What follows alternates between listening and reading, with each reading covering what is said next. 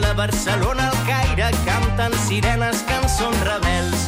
Tres quarts i un minut d'onze del matí marxem a Figueres perquè volem parlar de l'acústica, aquest eh, festival que arrenca avui la seva tretzena edició i que cada any es va superant, a més a més de, doncs, de presentar sorpreses contínuament i d'entrada podem dir que ja ha revelat fins i tot les intimitats de molta gent que ha passat pel festival. Tenim el director en connexió telefònica, Xavier Pasqual, molt bon dia.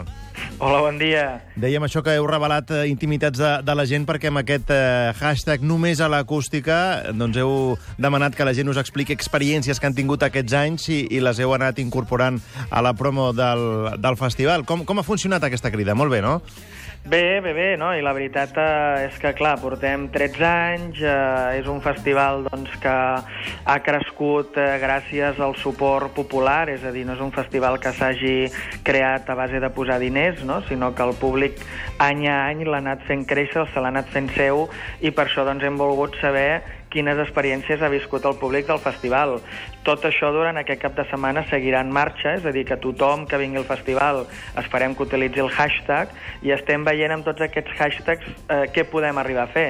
Si podem fer com, eh, no sé, eh, una paret un mural a la ciutat o se'n pot fer una expo, vaja, vull dir, volem d'alguna manera que això no acabi aquí, no?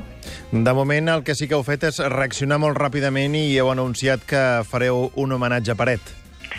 Bé, Paret eh, se n'ha anat un dels grans. Eh, malauradament hem estat a punt de programar-lo dues vegades, no va poder ser. I què menys, no? Un festival com l'Acústica que intenta ser un agent cultural de país, eh, amb una notícia com aquesta no ens podem quedar com si no passés res.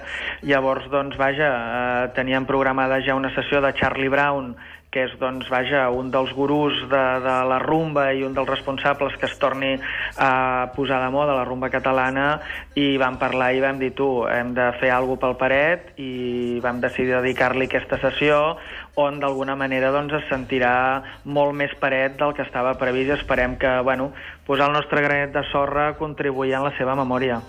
Està molt bé i aquesta capacitat de reacció que teniu de, de copsar el que la gent vol, el que la gent espera, fa que doncs, l'any passat, per exemple, va ser l'edició més exitosa pel que fa al públic, va, van venir 80.000 espectadors. Aquest any encara voleu superar aquesta xifra?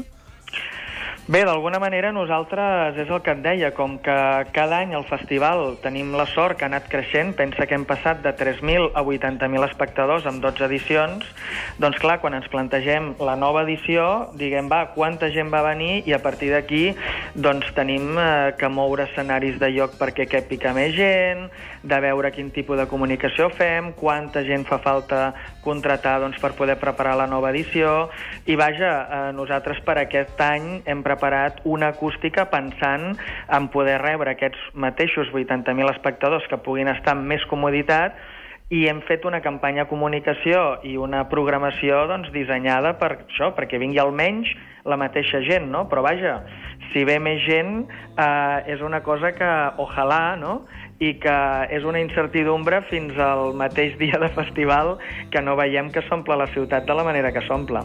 Clar, aquesta incertesa perquè la, la gran majoria de concerts són gratuïts. Clar, dels 40 i pico concerts que tenim programats, eh, n'hi ha 5 només de pagament. Llavors, sí que tens un baremo, no?, perquè, per exemple, el concert d'Albert Pla des de dilluns que està esgotat, la Sílvia Pérez fa 15 dies, ara m'han passat les últimes dades i per Manel i el concert d'avui a la nit queden menys de 100 entrades i l'AUTE, vaja, va pel camí, no? És a dir, sí que tenim unes, uns indicatius de que els concerts de pagament van amb molt bon ritme, però és clar, uh, d'aquests 80.000 espectadors, pels concerts de pagament n'acabaran passant uh, un total de 6 o 7.000, no arriba ni al 10%, no? I d'alguna manera on ens juguem uh, la Champions o la Lliga és en aquests uh, concerts gratuïts i en, i en aquests espais més populars a l'aire lliure. I encara que una de la, dels caps de cartell, un dels caps de cartell sigui Luis Eduardo Aute, que ja l'has esmentat, la gran majoria de l'aposta és obertament per la música en català i, per tant, l'èxit del festival potser és un termòmetre de la bona salut, no?, de la música catalana? Sí, nosaltres, eh, vaja, a sobre ens afiancem com que som el primer o dels primers festivals que vam apostar per la música en català sense complexos quan ningú feia. Quan vam començar eh, era molt difícil veure artistes catalans a festivals, a teatres, auditoris, i ara, doncs, d'alguna manera hi ha una normalització que el festival ha crescut amb aquesta normalització.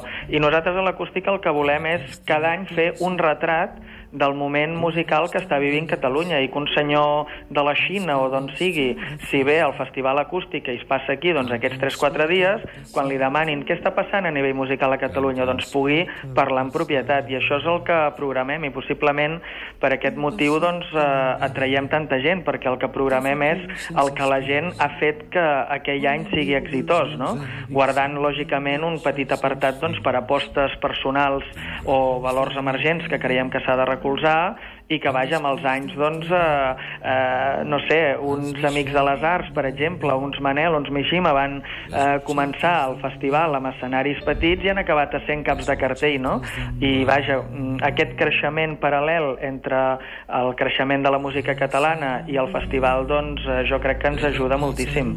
I és la tretzena edició de, de l'acústica i la tercera de l'acústiqueta, aquest altre projecte paral·lel on l'any passat eh, hi van passar 25.000 persones, dedicat més a un públic més familiar, més, més amb nens, que s'ha demostrat que és un altre, un altre encert, no? També la gent que ve, que ve a l'acústiqueta és més local, potser, que no pas a l'acústica?